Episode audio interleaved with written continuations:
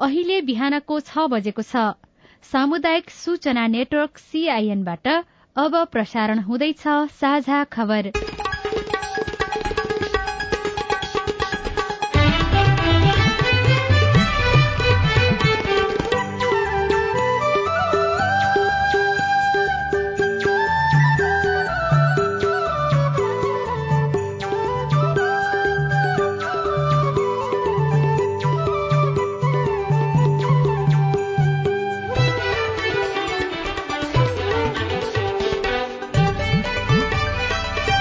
शुभ प्रभात यो सीआईएनको साझा खबर हो। सजना तिमल सिन्हासँगै लील प्रकाश चन्दको तपाईँलाई स्वागत छ। सामुदायिक रेडियोबाट देशैभरि एकैसाथ प्रसारण भइरहेको साझा खबर सीआईएन खबर डट कम र मोबाइल एप सीआईएनबाट पनि सुन्न सकिन्छ। आज दुई हजार उनासी साल पुष सत्र गते आइतबार जनवरी एक तारीक सन् दुई हजार तेइस नेपाल सम्बत एघार सय त्रिचालिस पौष शुक्ल पक्षको दशमी तिथि। तेह्रौं वर्ष प्रवेशको अवसरमा काभ्रेको प्राइम एफएमलाई उत्तरोत्तर प्रगतिको शुभकामना व्यक्त गर्दै साझा खबरमा प्रमुख खबरका शीर्षकहरू। पोखरामा निर्मित तेस्रो अन्तर्राष्ट्रिय विमानस्थल आजदेखि सञ्चालनमा आउँदै पर्यटन क्षेत्र चलायमान हुने विश्वास भैरवाबाट अन्तर्राष्ट्रिय उडान ठप्प। एकीकृत समाजवादीले सरकार बारेको धारणा आज सार्वजनिक गर्ने। माओवादीमा पार्टी नेतृत्व माग्दै दोस्रो तहका नेताहरू कांग्रेसका दुई महामन्त्रीद्वारा नीति महाधिवेशन गर्न माग। सरकारी अस्पतालको शल्यक्रिया प्रणाली अस्तव्यस्त। उपदान सुविधा नलिएका शिक्षकहरूलाई पुनः अवसर। नेपाल बंगलादेश व्यापार आठ वर्षदेखि घाटामा। अरब क्षेत्रको एक तिहाई जनसंख्या गरीबीको रेखामुनि क्रोएसियालाई युरोप समूहको मान्यता रूसद्वारा युक्रेनको राजधानी केवमा दर्जनौ मिसाइल र नेपाल टी ट्वेन्टी क्रिकेटमा आज दुई खेल हुँदै आहार रारा गोल्ड कपमा चर्च बोइज अनि मच्छिन्द्र क्लबले खेल्ने प्रधानमन्त्री कप महिला राष्ट्रिय क्रिकेट प्रतियोगिताको विजेताले पाँच लाख रूपियाँ पाउने।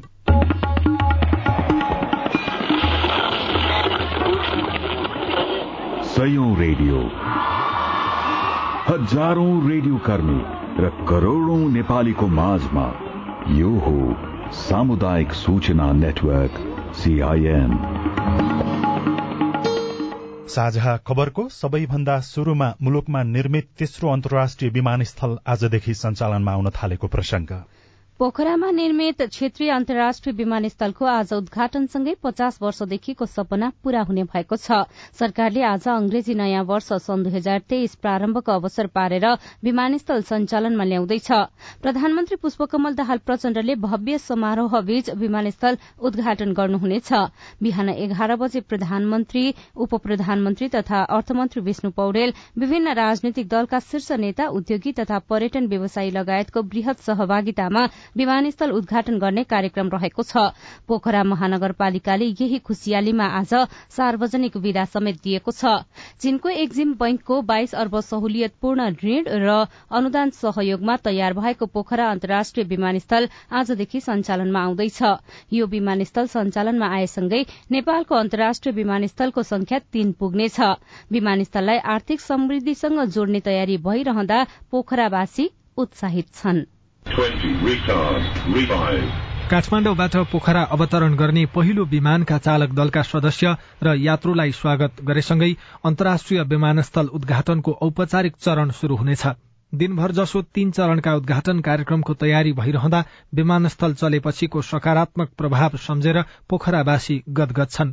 पोखरा महानगरपालिका दश रामबजारका दिलमाया गुरूङ। कतिपय मान्छेहरू काठमाडौँमा बस्न पर्थ्यो नि त आएर डाइरेक्ट घरमा परिवारसँग भेट्न पनि आउन पाउन हुन्छ नि त। सबैले रोजगारी पनि पाउँछ थप विकास पनि हुन्छ। करिब पचास वर्षदेखिको सपना विपनामा परिणत हुन लाग्दा जनप्रतिनिधिमा पनि उत्साह छ। पोखरा उपमहानगरपालिका वडा नम्बर सातका जनप्रतिनिधि अर्जुन थापा। पोखरा पर्यटकीय सहर भएको हुनाले काठमाडौँमा आइसकेपछि कतिपय बाटोको अवस्थाले गर्दा पनि यहाँ आउन सक्ने अवस्था छैन। अब हामीसँग अन्तर्राष्ट्रिय विमानस्थल भइदियो र यो सञ्चालन आइदियो भने पक्कै पनि अन्था नगइकन पोखरा आउने पर्यटकहरू धेरै हुन सक्छन्। दुई हजार बत्तीस सालमा विमानस्थलका लागि जमिन अधिग्रहण गरिए पनि शिलान्यास हुन चालिस वर्ष लाग्यो भने दुई हजार चौहत्तरदेखि निर्माण थालिएको हो। आन्तरिक उडान आजबाट शुरू हुन लागे पनि पोखराबाट अन्तर्राष्ट्रिय उडान गर्न बाच्छे बुढुवाबाट फोहोर व्यवस्थापन केन्द्र सार्नुपर्ने र रिठेपानी डाँडा काट्नुपर्ने काम पूर्ण रूपमा सकिएको छैन। पोखरा महानगरपालिकाका उपप्रमुख मन्जु गुरुङ। दीर्घकालीन हिसाबले चाहिँ हामी वडा नम्बर तेत्तिसको झाँक्री थान भन्ने ठाउँमा लैजाँदैछौँ। तयारी सबै कुरो हुँदैछ। अब तत्काललाई के गर्ने भन्ने विषयमा चाहिँ हामीले वडा नम्बर बत्तिसमा यो लाने आलमा एउटा चाहिँ ठुलो खोज छ त्यहाँको समुदायसँग बसेर शेरवाल लगाएर त्यहाँ राख्ने। पछि तेत्तिसमा चाहिँ झाँकी थाल्न प्रयोग चाहिँ हामी त्यता हाल ल्यान्डफिल्ड साइट पुर्ने काम करिब सकिए पनि चालिस मिटर काट्नुपर्ने रिठेपानी डाँडा करिब बीस मिटर काटिसकिएको छ। साज सज्जाको काम पनि करिब सकिएको विमानस्थलका आयोजना प्रमुख विनेश मुनकर्मी बताउनुहुन्छ। एयरपोर्ट कति राम्रो नराम्रो भने त्यसैबाट थाहा हुन्छ डिजाइन र ब्युटिफिकेसनले होइन वरिपरि चाहिँ हरियाली मूर्तिहरू स्कल्पचरहरू होइन केही हामीले बनाइसकेका छौँ सानोतिना रुखहरू टुपीका रुखहरू कामहरू हामी गर्छौं। जानकारहरूका अनुसार नेपाल आउने पचास प्रतिशत पर्यटक पोखरा पुग्छन्। करिब दुई महिनामा अन्तर्राष्ट्रिय उडान शुरू भएपछि पर्यटन क्षेत्रको विकासमा विमानस्थल कोसेढुङ्गा साबित हुने बताउँदै पोखरा अन्तर्राष्ट्रिय विमानस्थलका प्रमुख विक्रम गौतम। विमानस्थल भनेको ढोका हो। पहिला कुरा त हामीले प्रोडक्ट चाहिँ बाहिर दिनु पर्यो। हामीले यस्तो चिज बनाएका छौँ भनेर दिनु पर्यो। अन्तर्राष्ट्रिय विमानस्थल सञ्चालनको लागि कन्सर्न चाहिँ के हो भने कति तपाईँले उनीहरूलाई लोड दिन सक्नुहुन्छ कति यात्रु दिन सक्नुहुन्छ त? त्यो कुरा महत्वपूर्ण हो। दिल्लीको कुराहरू दोहाको कुराहरू हामीसँग सँगसँगै हङकङका कुराहरू थाइल्याण्डका कुराहरू यी कुराहरू चाहिँ हामीले जोडेका छौँ। विमानस्थल प्रभावकारी रूपमा चल्यो भने विभिन्न एयरलाइन्स कम्पनीहरूको आगमनसँगै अन्तर्राष्ट्रिय शहरसँग पोखराको अब सीधा सम्पर्क हुनेछ। पच्चीस सय मिटर लामो यो विमानस्थलबाट आन्तरिक उडान शुरू हुँदै गर्दा यसअघि सञ्चालनमा आएको गौतम बुद्ध अन्तर्राष्ट्रिय विमानस्थलले अपेक्षाकृत व्यापार नगरेको खबर सुनेका पोखरेलीहरू त्यस्तो अवस्था आउँछ कि भन्ने चिन्तामा पनि छन्। अविनाश आचार्य सीआईएन काठमाडौँ। यसैबीच भैरवा स्थित गौतम बुद्ध अन्तर्राष्ट्रिय विमानस्थलमा उडान गर्दै आएका हिमालय एयरलाइन्स र जजिरा एयरवेजले उडान रोकेका छन्। अन्तर्राष्ट्रिय तर्फका उडान ठप्प भएपछि हाल भैरवाबाट आन्तरिक तर्फका हवाई कम्पनीले मात्रै उडान गर्दै आएका छन्। गत जेठ दुई गतेदेखि सञ्चालनमा आएको यो विमानस्थलमा शुरूदेखि कुवेतको जजिरा एयरवेज र गत कार्तिक सत्र गतेदेखि चार्टर उडान शुरू गरेको हिमालयले हाल उडान रोकेका हुन्। अब राजनीतिक प्रसंग। माओवादी अध्यक्ष पुष्पकमल दाहाल प्रचण्ड नेतृत्वको सरकारमा सहभागी हुने कि नहुने भन्नेमा एकीकृत समाजवादीमा दुई धार देखिएको छ। हिजोदेखि शुरू स्थायी कमिटी बैठकमा अधिकांश नेताले सरकारमा सहभागी नभई आफ्नो शक्तिमा विश्वास गरेर पार्टी निर्माणमा लाग्नुपर्नेमा जोड़ दिएका छन्। केही नेताले भने सरकारको न्यूनतम साझा कार्यक्रम हेरेर समर्थन वा विरोध गर्नुपर्ने सुझाव दिएका छन्। बैठकमा सम्मानित नेता झलनाथ खनाल सहित नेताहरू मुकुन्द नेउपाने केदार नेउपाने केशव केशवलाल श्रेष्ठ घनेन्द्र बस्नेत धर्मनाथ शाह गरिमा शाह जीवनराम श्रेष्ठ नागेन्द्र चौधरी राजेन्द्र राई आलोक रायमाझी उर्वादत्त पन्त कल्याणी खड्का गोविन्द कोइराला चुडामणि जंगली तुल बहादुर गुरूङ देव सिंह महता र साध्य बहादुर भण्डारीले धारणा राख्नु भएको थियो। यसबीचमा अध्यक्ष माधव कुमार नेपालले भने नयाँ किसिमको चुनौती देखा परेको बताउनु भएको छ। समयमै विचार नगर्दा अप्रत्याशित घटना भएर गठबन्धन भंग हुन पुगेको उहाँको भनाइरहेको छ।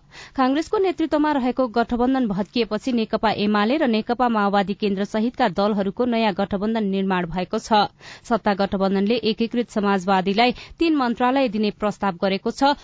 राष्ट्रपति समेत प्रस्ताव गरेको चर्चा भइरहँदा पार्टी प्रवक्ता जगन्नाथ खतिवड़ाले भने नेकपा यस तत्काल सरकारमा नजाने बताउनु भएको छ। यस्तो प्रकारको गठबन्धन बनाउने हाम्रो सोच पनि थिएन योजना पनि थिएन। कमरेड प्रचण्ड यो गठबन्धनमा जानुभयो। हामी त अर्को गठबन्धनबाट प्रधानमन्त्री बनाउने कुरा गरिरहेका थियौं। उहाँको पार्टीले यो निर्णय गरिसके पश्चात हाम्रो पार्टीले के निर्णय गर्ने भनेर हामीले सोच्नु स्वाभाविकै छ। यसकारण हामी कसैले बोलाउँछ या बोलाउँदैन भनेर होइन। हामी हाम्रो आफ्नो मूल्य मान्यतामा आधारित राजनीतिलाई अगाडि बढाउन सकिन्छ कि सकिँदैन? कसो गर्दा ठिक हुन्छ भनेर सोचिरहेको छ। पार्टी अध्यक्षले अर्को कुरा भनिरहनु भएको हुन्छ। महासचिवले अर्को कुरा भनिरहनु भएको हुन्छ। नेताहरूको बीचमा नै मत बाजिएको स्थिति छ। त्यो चाहिँ किन भइराखेको? यसबाट निक्लने हुन सक्ने भोलिका सम्भाव्य परिणामहरूको बारेमा आकलन गर्दछ अनि मात्रै निर्णय गर्छ भनेर हामीले भनेका छौं। कसैको शैलीगत भिन्नता आएछ भने छुट्टै कुरा हो। त्यसको आशयमा भिन्नता छैन। एमालेसँग पार्टी एकताको सन्दर्भमा तपाईँको पोजिसन के हो? पार्टी एकताको चर्चै छैन सन्दर्भै छैन के पोजिसन हुनु? पार्टीको नीतिले पो गर्छ त व्यक्तिले व्यक्तिलाई भेटेर एकीकरण हुने हो र पार्टी? हाल रहेको आठ सदस्यीय मन्त्री परिषदमा एकजना मात्रै महिला मन्त्री छन्। सरकारलाई सकेसम्म सहभागितामूलक बनाउन तथा महिला मन्त्रीको संख्या बढ़ाउन महिला नेताहरूले दबाव दिइरहेको खबर पनि सार्वजनिक भइरहेको छ। तर सीआईएनसँग कुराकानी गर्दै माओवादी केन्द्रका नेता रेखा शर्माले आफूहरूले त्यस्तो दबावको अभियान शुरू नगरेको तर पार्टी नेतृत्वले यसबारेमा सोध्छ भन्ने बारेमा अपेक्षा गरेको बताउनु भयो। यसैबीच जनता समाजवादी पार्टी नेपालले सरकारमा जाने मन्त्रीहरूको बारेमा निर्णय गर्ने जिम्मेवारी पार्टीको राजनीतिक समितिलाई दिएको छ। हिजो बालकुमारी स्थित केन्द्रीय कार्यालयमा बसेको पार्टीको केन्द्रीय कार्यकारिणी समितिको बैठकले सरकारमा सहभागी हुने मन्त्री बारेमा निर्णय गर्ने सहमति गरेको हो।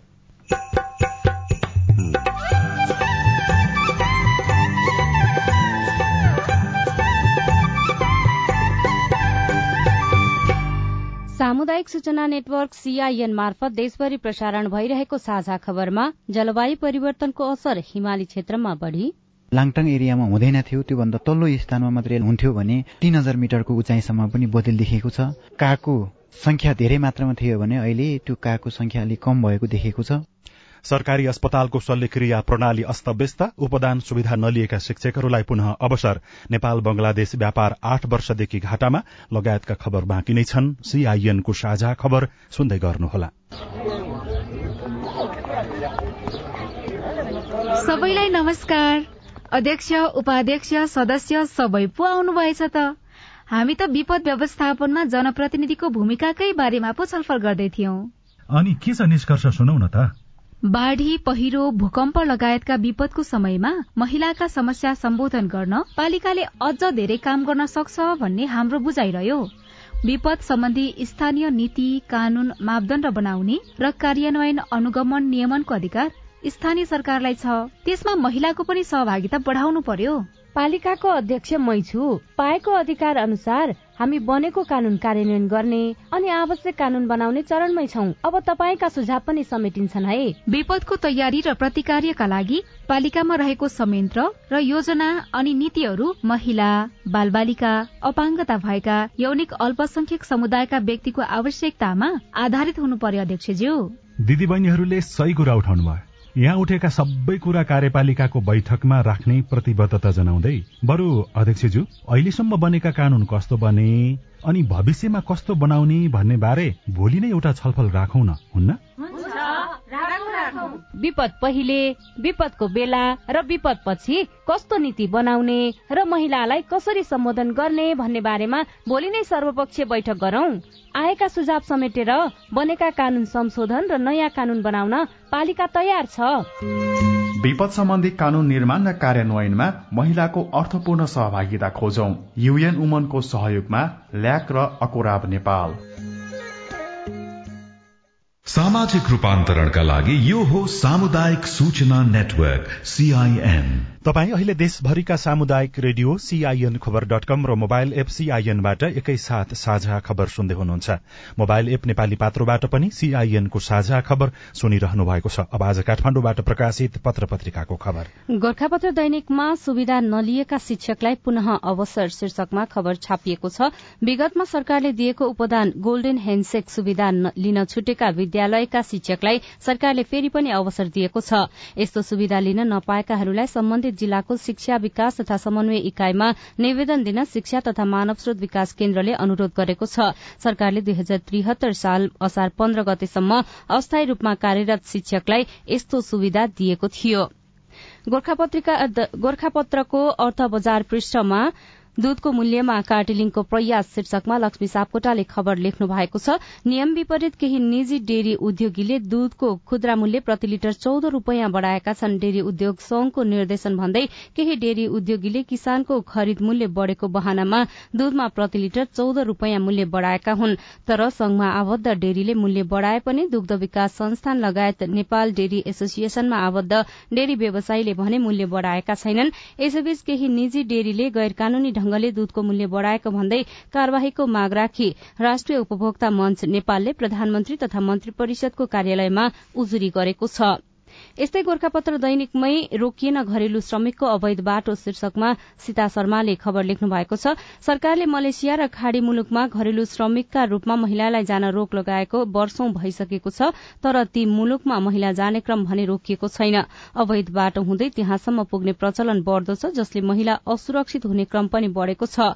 तत्कालीन संसदको श्रम तथा उपभोक्ता हित समितिले दुई हजार त्रिहत्तर चैत बीस गते ती देशमा घरेलु काममा जाने महिला विभिन्न किसिमको शोषणमा परेको भन्दै सुरक्षाको प्रत्याभूति नभई ती देशमा घरेलु श्रमिक नपठाउन निर्देशन दिएको थियो। कान्तिपुर दैनिकमा महामन्त्री द्वयले मागे कांग्रेसमा नीति महाधिवेशन शीर्षकमा खबर छ। सभापति शेरबहादुर देउवाले प्रधानमन्त्री पदको स्वार्थ नछाड्दा कांग्रेस राज्य सत्ताका सबै पदबाट विमुख बन्न पुगेको भन्दै नेता तथा कार्यकर्ताबाट असन्तुष्टि व्यक्त भइरहेको बेला महामन्त्री द्वय गगन थापा र विश्वप्रकाश शर्माले तत्काल नीति महाधिवेशन गर्नुपर्ने माग अघि सार्नु भएको हो। महामन्त्री द्वयले पुष बाइसबाट हुने पार्टीको केन्द्रीय कार्यसमिति बैठकमै नीति महाधिवेशनको मिति र स्थान तोक्न जोड़ दिनु भएको छ। भित्रीपन्नामा नेपाल बंगलादेश व्यापार आठ वर्षदेखि घाटामा शीर्षकमा पर्वत पोर्तेलले झापाबाट लेख्नु भएको छ। आर्थिक वर्ष दुई हजार चौन्न पचपन्नबाट शुरू भएको नेपाल बंगलादेश बीचको द्विपक्षीय व्यापार आठ वर्षदेखि निरन्तर घाटामा छ। व्यापार शुरू भएको पहिलो र दोस्रो वर्ष बंगलादेशको पक्षमा रहेका व्यापार दुई हजार छप्पन्न सन्ताउन्नमा भने नेपालको पक्षमा देखिएको थियो। त्यो वर्ष चौरानब्बे करोड़ तेइस लाख मूल्यको सामान निर्यात हुँदा एकचालिस करोड़ बत्तीस लाखको सामान आयात भएको थियो। त्यसयता चार वर्ष निरन्तर घाटा दोहोरिएको छ। उनानब्बे प्रतिशत वैदेशिक रोजगार बचत पत्र बिक्री भएन शीर्षकमा यज्ञ बन्जाडेले खबर लेख्नु भएको छ। अर्को खबर केरूङ काठमाडौँ रेलमार्गको फिल्ड सर्वे एक साताभित्रै शुरू हुने बारेको खबर पनि समावेश गरिएको छ। अन्नपूर्ण पोस्टमा माओवादीमा पार्टी नेतृत्व माग शीर्षकमा खबर छापिएको छ। माओवादी पार्टीका अध्यक्ष पुष्पकमल दाहाल र वरिष्ठ उपाध्यक्ष नारायण काजी श्रेष्ठ सरकारमा गएपछि पार्टी सञ्चालन गर्न कार्यकारी नेतृत्व तोक्नुपर्ने नेता कार्यकर्ताहरूले माग गरेका छन्। दाहाल यसअघि दुई पटक सरकारको नेतृत्व गर्दा उहाँले पार्टी र सरकार दुवैको नेतृत्व आफै गरेको पार्टी सचिव गणेश शाहले बताउनु भएको छ। पार्टी सञ्चालन गर्न कार्यकारी नेतृत्व तोक्नुपर्ने र सरकारमा नजानेहरूलाई पार्टीको जिम्मेवारी दिनुपर्नेमा उनीहरूले माग गरेका छन्। नयाँ पत्रिका दैनिकमा सरकारी अस्पतालमा शल्यक्रिया प्रणाली अस्त व्यस्त बनेको बारेको खबर छ। देशका तीन ठूला सरकारी अस्पताल वीर टिचिङ र निजामतीका युरोलोजी विभागमा शल्यक्रियाका लागि बिरामीले चाहेका बेला मिति पाउनु दुर्लभ जस्तै छ। शल्यक्रिया गर्न बिरामी दुई हजार अस्सीको असोज कार्तिकसम्मका मिति लिएर पालो कुरिरहेको खबर छ।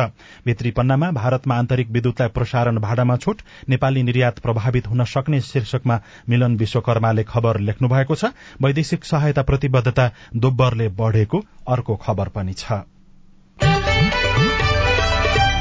साझा खबरमा अब हेलो सीआईएन अविनाश आचार्यबाट। हाम्रो आइभीआरमा रौतहटका एकजना श्रोताले आफ्नो सुझाव रेकर्ड गराउँदै भन्नुभएको छ। हेलो नमस्कार। म शम्भु दास फतुवा विजयपुर नगरपालिका वार्ड नम्बर एक रौतहटबाट। शीतलहरको कारण रौतहट फतुवा विजयपुर गुजेरा चन्द्रनिगापुर मकापुर जनजीवन कष्टकर बनेको छ। यहाँका स्थानीय निकायसँग दौरा वितरण गर्नको लागि हार्दिक अनुरोध गर्दछु। अनि रोजगारीका लागि मलेसियामा रहनुभएका हाम्रा एकजना श्रोता यम के शाही ठकुरीले हाम्रो फेसबुक पेजमा म्यासेज गर्दै सोध्नुहुन्छ म हाल मलेसियामा सेक्युरिटीका रूपमा काम गर्छु तर हाम्रो कम्पनीले भने जस्तो तलब दिँदैन। न त हाम्रो हातमा पासपोर्ट नै दिन्छ। तलब बढाउने कुरा गर्यो भने घर पठाउने धम्की दिन्छ। यो समस्याको समाधान के हुन सक्छ? एमकेजी हामीले तपाईँको समस्या श्रम रोजगार तथा सामाजिक सुरक्षा मन्त्रालयका प्रवक्ता डण्डुराज घिमिरेलाई सुनाएका छौं।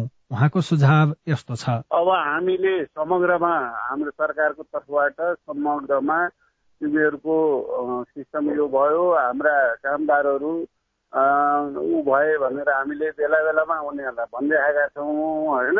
अब कम्पनीको तर्फबाट डाइलग गर्नलाई चाहिँ यस्तो पर्टिकुलर कम्पनीका लागि चाहिँ भनेर मलेसियामा भएको नेपाल एम्बेसीमा हाम्रो श्रम डेस्क छ अब त्यो श्रम डेस्कमा एकजना उपसचिव एकजना शाखा हुनुहुन्छ अब उहाँ चाहिँ गएर चाहिँ पर्टिकुलरली उहाँहरूले कन्ट्याक्ट गरेर सम्पर्क गरेर त्यो गर्न सक्नुहुन्छ नमस्कार म अछाम जिल्लाबाट मेरो एकजना व्यक्तिले पैसा लिएको थियो तर त्यसको मसँग कागज पनि छैन पैसा दे भन्दा पनि दिँदैन यसको लागि कहाँ के गर्नुपर्छ आर्थिक कारोबार गर्दा लेनदेनको प्रमाण अनिवार्य राख्नुपर्छ।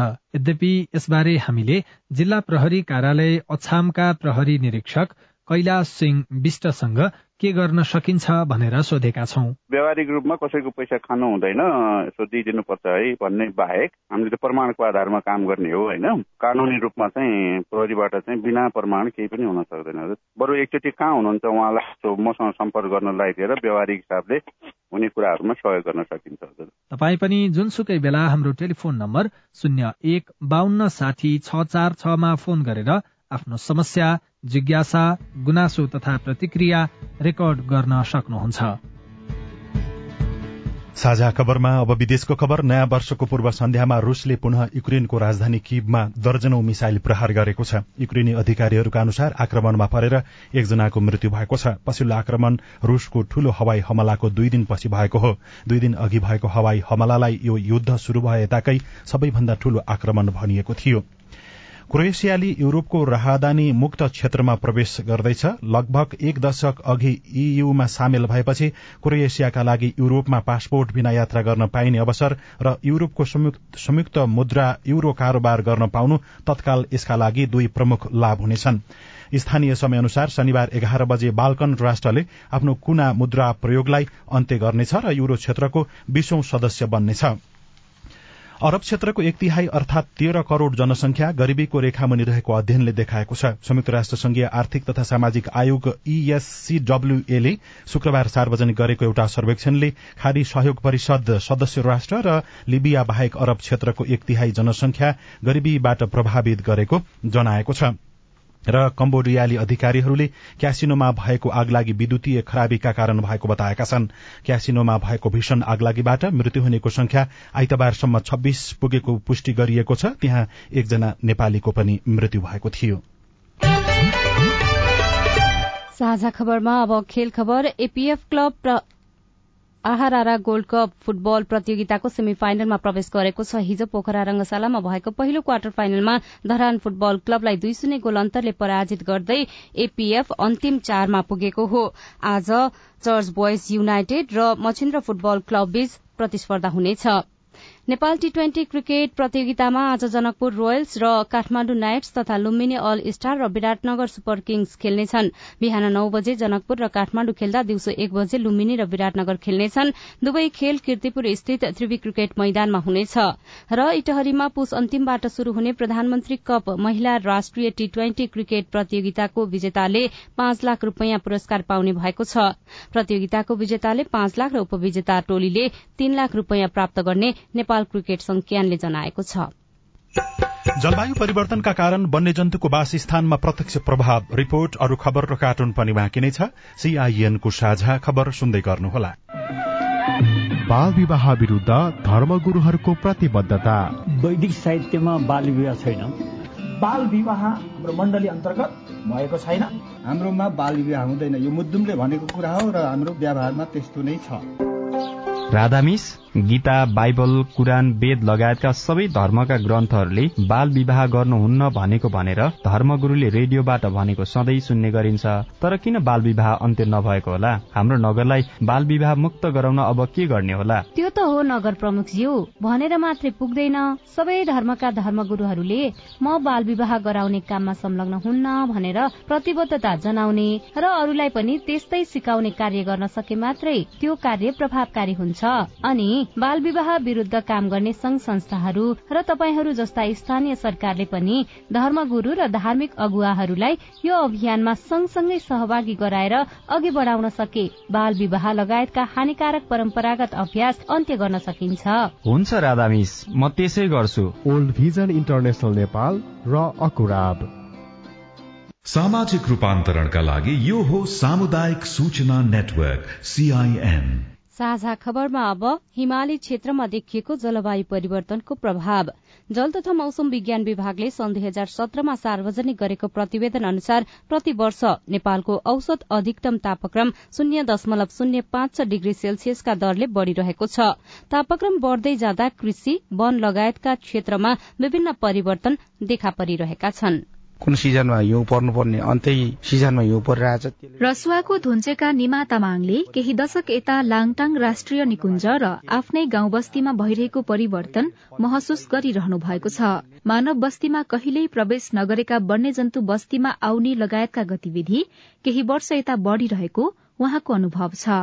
लालीगुराँस पहिला चैत महिनातिर फुल्थ्यो भने अहिले माघतिरै फुलिरहेको छ। केही वन्यजन्तुहरू चाहिँ अहिले देख्नमा आएको छैन। रामचे मध्यवर्ती उपभोक्ता समिति रसुवाका अध्यक्ष विनोद तामाङको अनुभव पनि निमाको जस्तै छ। तेह्र वर्षदेखि निकुञ्जका लागि विभिन्न क्षेत्रमा काम गर्दै आउनुभएका तामाङ वन्यजन्तुको वासस्थान परिवर्तन हुँदै गएको र पंक्षीको संख्या घटेको बताउनुहुन्छ।